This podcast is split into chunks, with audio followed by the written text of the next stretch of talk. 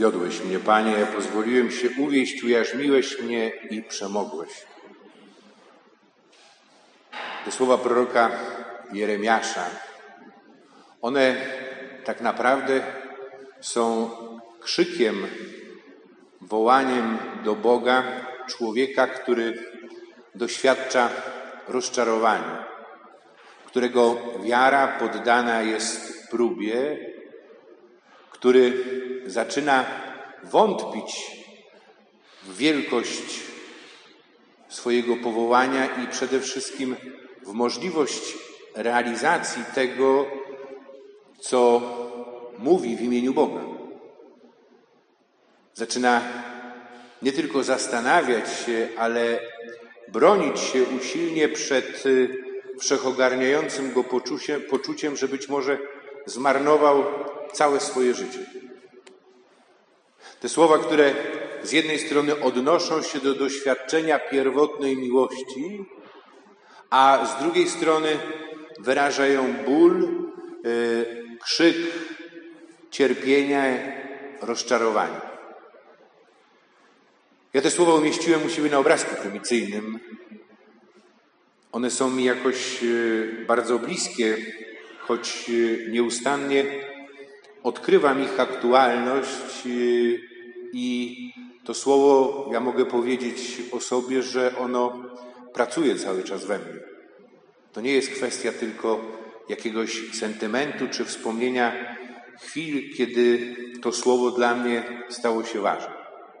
Mówię o tym dlatego, bo tydzień temu wraz ze świętym Piotrem wyznawaliśmy wiarę w Jezusa Chrystusa, w to, że jest tym, którego oczekiwano i zarazem, że jest y, Synem Bożym. Ale przychodzi czas próby, możemy powiedzieć czas kryzysu. Ktoś y, powiedział, że człowiek może o sobie powiedzieć, że jest y, wierzący tak naprawdę dopiero wtedy, kiedy przeżył przynajmniej jeden, a tak naprawdę kilka głębokich kryzysów wiary. Bo kryzys to jest y, tak naprawdę sytuacja, kiedy jesteśmy zmuszeni do dokonania wyboru, do potwierdzenia tej drogi, którą idziemy, czy pójścia inną, do podjęcia konkretnej decyzji. I uznania zarazem w naszej relacji z Bogiem, że to nie ja jestem centrum. Bardzo wiele z naszych kryzysów ma swoje źródło w tym, że my chcemy nagiąć Boga do naszych osobistych wizji, do naszego sposobu myślenia, do naszego wyobrażenia o udanym, szczęśliwym, spełnionym życiu.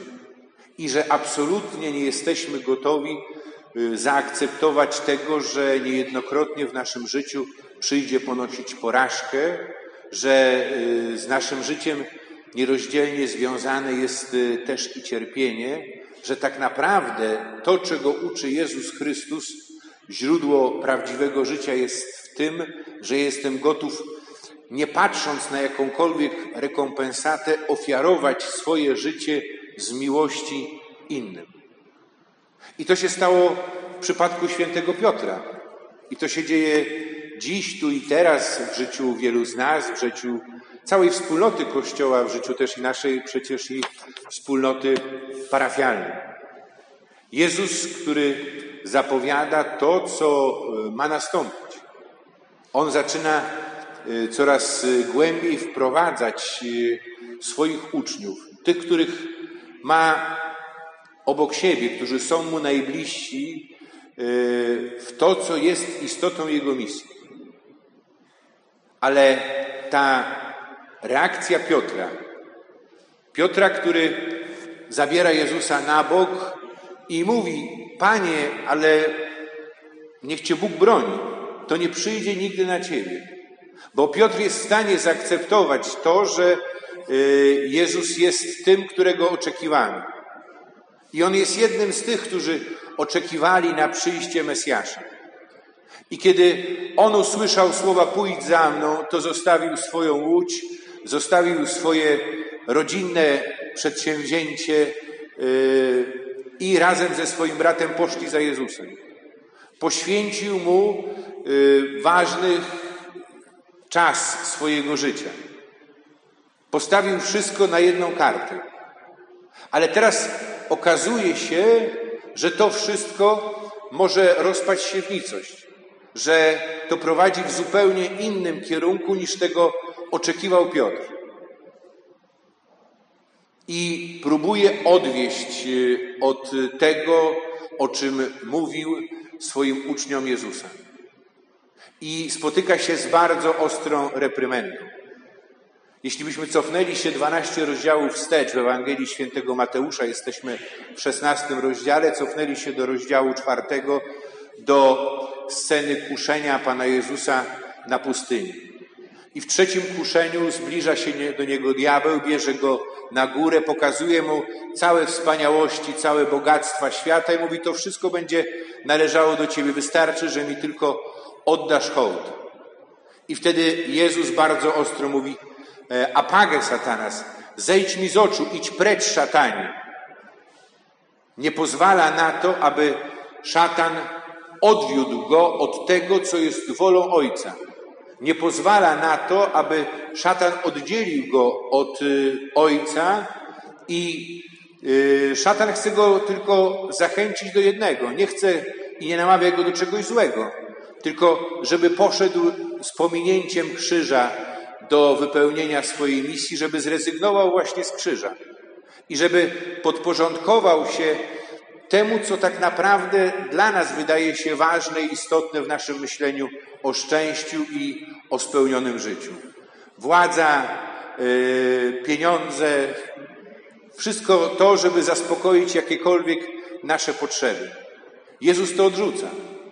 I teraz w roli szatana pojawia się Piotr i spotyka się z taką samą reprymendą. Tyle, że to apagę satana znaczy co? Że Piotr nie jest opętany przez szatana. Tego nie mówi Pan Jezus. On go nazywa szatanem. Dlaczego? Bo on próbuje zrobić dokładnie to samo, czego y, próbował szatan, czyli oddzielić go od Ojca i odwieźć go od wypełniania Jego woli, od posłuszeństwa Ojcu. I stanowi w tym przeszkodę dla Jezusa.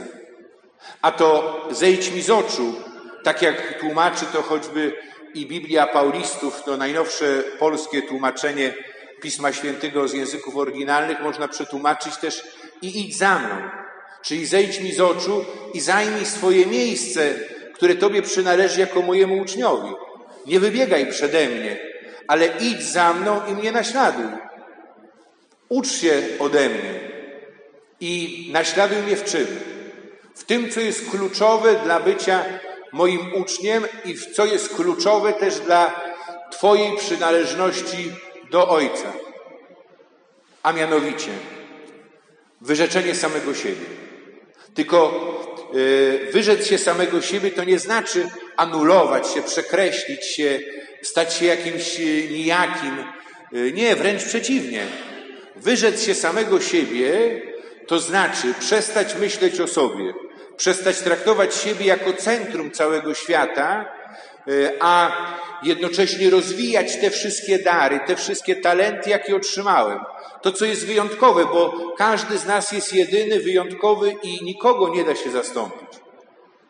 I tym, co otrzymałem i co rozwijam, bez lęku obdarowywać innych.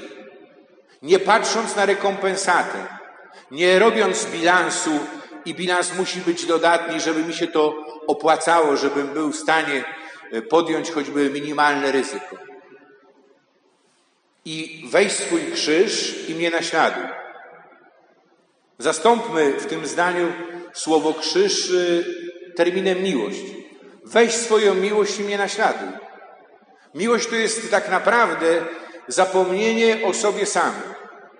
To jest, e, możemy powiedzieć, dar składany z samego siebie. I tu jest ten paradoks, bo człowiek, który nie jest gotów oddać swojego życia, który nie jest gotów umierać za choćby jedną osobę, tak naprawdę on już jest w śmierci i nie ma w nim życia, o którym mówi Jezus. A ten, który jest na tyle odważny, żeby podjąć to ryzyko, zyskuje prawdziwe życie. I do tego zachęca nas Pan Jezus dzisiaj. Kryzysy, jakich jest wiele w naszym życiu, one w zależności od decyzji, jaką podejmiemy, yy, mogą być szczególnym czasem łaski i czasem wzrostu. Jezus bierze pod uwagę naszą słabość, naszą kruchość, ale jednocześnie też i wzywa nas do tego, abyśmy szli za nim. Bo On zdecydował się do końca i bez reszty wypełnić wolę Ojca, składając swoje życie dobrowolnie w ofierze za nas, za mnie, po to, abyśmy my mieli życie. I od nas zależy, czy ten dar życia przyjmiemy. I w to wpisana jest także i porażka, w to wpisane jest cierpienie, ale my nie jesteśmy cierpiętnikami. My nie szukamy cierpienia dla cierpienia, ale gotowi jesteśmy podjąć to ryzyko z miłości. Z miłości, którą odpowiadamy na miłość, jaką Bóg nas obdarzył w Jezusie Chrystusie. I jednocześnie też i pozwolić się prowadzić, aby Bóg przez nas prowadził dalej swoje dzieło zbawienia. I taki jest sens słów świętego e, Pawła do Rzymian, który pisze o rozumnej służbie Bożej. O tym, abyśmy dali swoje ciała na ofiarę żywą, e, Bogu miłą, jako wyraz naszej rozumnej służby Bożej. Kiedy w Piśmie Świętym słuchamy o ciele, to nie chodzi tylko o naszą cielesność, to chodzi e, o pewien wymiar konkretny naszego życia, bo Pismo Święte zawsze traktuje człowieka jako jedność i jako całość. I kiedy mowa jest o ciele, to jest mowa właśnie o tej mojej y, kruchości, o mojej przygodności. Y, I jednocześnie to jest też i wielkość wyniesienia przez Bożą miłość. Ta Eucharystia, w której uczestniczymy i którą wspólnie sprawujemy, ona jest wielką szansą dla nas. Ona jest szansą na to, że doświadczymy tego, czego doświadczył prorok Jeremiasz. Ten, który w akcie buntu, rozpaczy, zniechęcenia, rozczarowania y, wołał do Boga. Wołał do Boga, ale jednocześnie też i doświadczył umocnienia. Bo kiedy mówi, że nie będę już wspominał więcej Jego imienia, to jednocześnie też i przyznaje, że wtedy zaczął jego serce trawić jakby ogień żarzący się w ciele i tego ognia nie był w stanie zagasić. Ten ogień to jest to doświadczenie Bożej miłości, które każdy ma w sobie bez względu na to, jakie były okoliczności jego życia. Być może ten ogień tli się w sposób y, zupełnie niewidzialny, ale on jest. I ta Eucharystia, w której uczestniczymy, ona ten ogień może rozdmuchać. Ona może sprawić, że ten ogień zapłonie. Nie da się przekreślić y, doświadczenia miłości Boga. I to doświadczenie miłości Boga każe nam na nowo podjąć to wyzwanie, aby odważyć się prostować nasz sposób myślenia, aby zacząć myśleć zgodnie z logiką Bożej miłości, aby pozwolić się prowadzić Duchowi Świętemu na zupełnie niespodziewanych nieprzewidywanych przez nas e, ścieżkach e, życia. I to odnosi się do mnie jako do osoby konkretnej, indywidualnej, ale odnosi się też i do wspólnoty, do której przynależy. Pan Bóg obdarza nas miłością.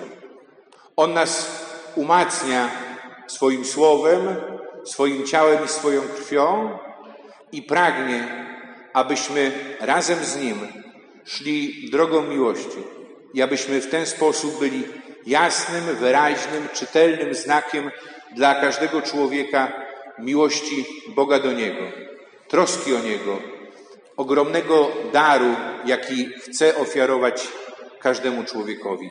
Amen.